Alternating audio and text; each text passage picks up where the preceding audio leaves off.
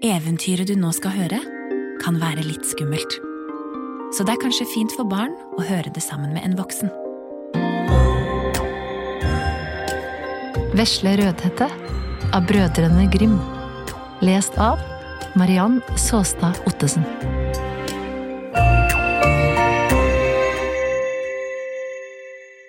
Det var en gang en liten, søt jente som alle var så glad i. Men ingen var så glad i henne som den gamle bestemoren hennes. Hun var så inderlig glad i den vesle jenta at hun ikke visste hva godt hun skulle gjøre for henne. En gang ga hun henne en liten hette av rød fløyel, og fordi den kledde henne så godt, og siden hun ikke ville ha noe annet på hodet, kalte man henne bare Vesle Rødhette. En gang sa moren til henne, Kom, vesle Rødhette, her har du et stykke kake og en flaske saft, ta med det til bestemor. Hun er så syk og svak, stakkars, så dette vil gjøre henne godt. Kom deg av gårde nå før det blir for varmt, og når du kommer, vær en grei jente, og ikke gå fra stien, ellers så kan du falle og slå flaska i stykker, og da får jo ikke bestemor noe, og når du kommer til stua, glem ikke å si god morgen. Jeg skal nok gjøre som de sier, sa vesle Rødhette til mammaen sin og ga henne hånda på det. Bestemoren hennes bodde langt ute i skogen, en halv time fra landsbyen. Da vesle Rødhette kom til skogen, møtte hun ulven. Men Rødhette visste ikke hvilket fryktelig dyr ulven var, og derfor så var hun ikke noe redd for han. God dag, vesle Rødhette, sa ulven. Eh, god dag, kjære ulv. Hei, hvor skal du hen så tidlig, ja, vesle Rødhøtte? Eh, jeg skal til bestemoren min. Du, hva er det du driver og bærer på? Eh, det er kake og saft, ja, for vi bakte i går, og det er til den stakkars syke bestemoren min, så hun har noe å styrke seg på. Ja vel. Eh, men eh, hun bestemora di, hvor er det hun bor hen, da?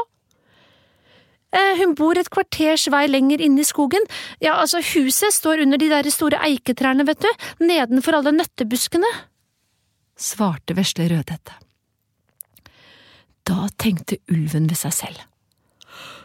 Den derre unge jenta der, det er en skikkelig lekkerbisken, og å, jeg er så sulten, og, og, hun smaker sikkert enda bedre enn den gamle bestemora.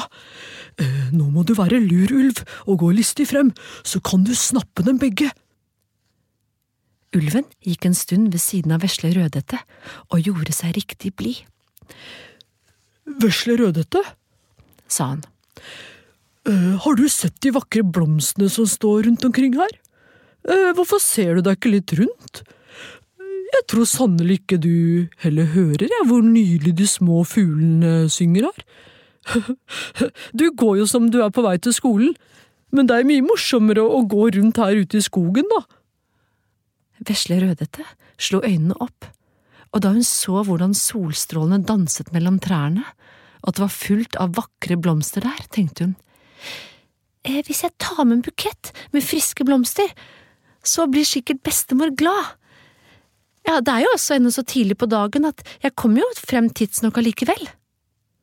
Så Rødhette løp omkring i skogen og plukket blomster, og når hun hadde plukket én, syntes hun at der borte sto det en som var enda vakrere, og der borte var det en som var enda vakrere, og hun løp og hun løp og plukket flere og flere blomster og løp lenger og lenger og lenger inn i skogen.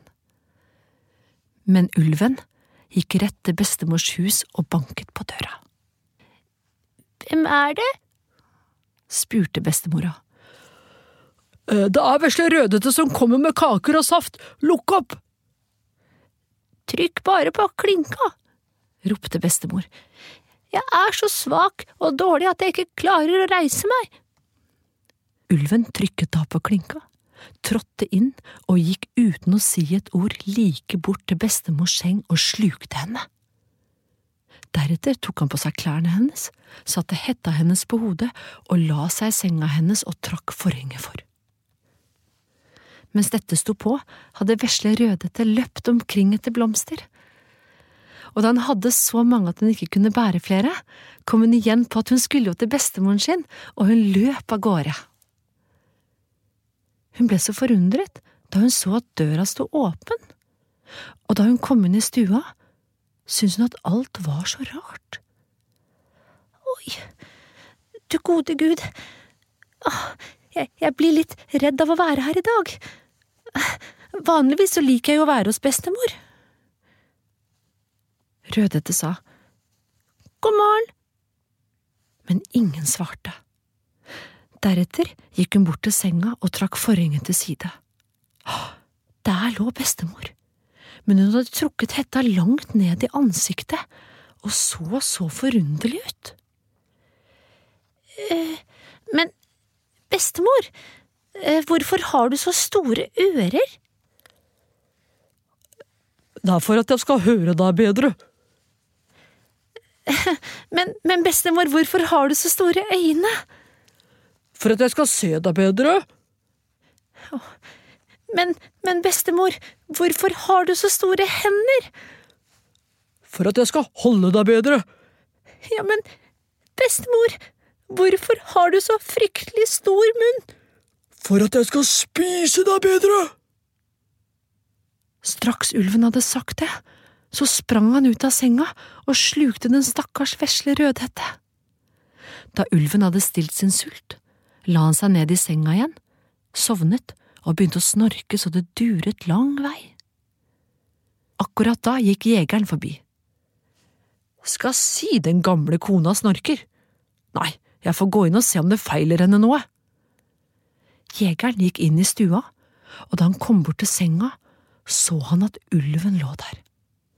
Nå ville han legge an geværet sitt, men så kom han til å tenke på at ulven kanskje hadde spist opp bestemoren, at hun kanskje ennå kunne reddes. Så han skjøt ikke, men tok en saks og begynte å klippe opp buken på ulven, som ennå sov som en stein.